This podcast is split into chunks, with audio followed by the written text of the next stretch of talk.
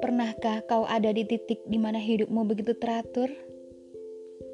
Semestaku sebelum kau datang adalah konstelasi yang sistematis. Aku tidak tahu caranya menghargai mentari yang membakar langit hingga kemerahan. Aku tidak tahu caranya mencium wangi hujan yang membasahi bumi. Aku pun tidak paham di mana indahnya kalimat dalam larik-larik puisi. Malam-malamku hanya berisi kumpulan tugas yang harus relaku bagi dengan jam tidurku. Dan pagi-pagiku hanyalah repetisi membosankan untuk mengenyangkan logika.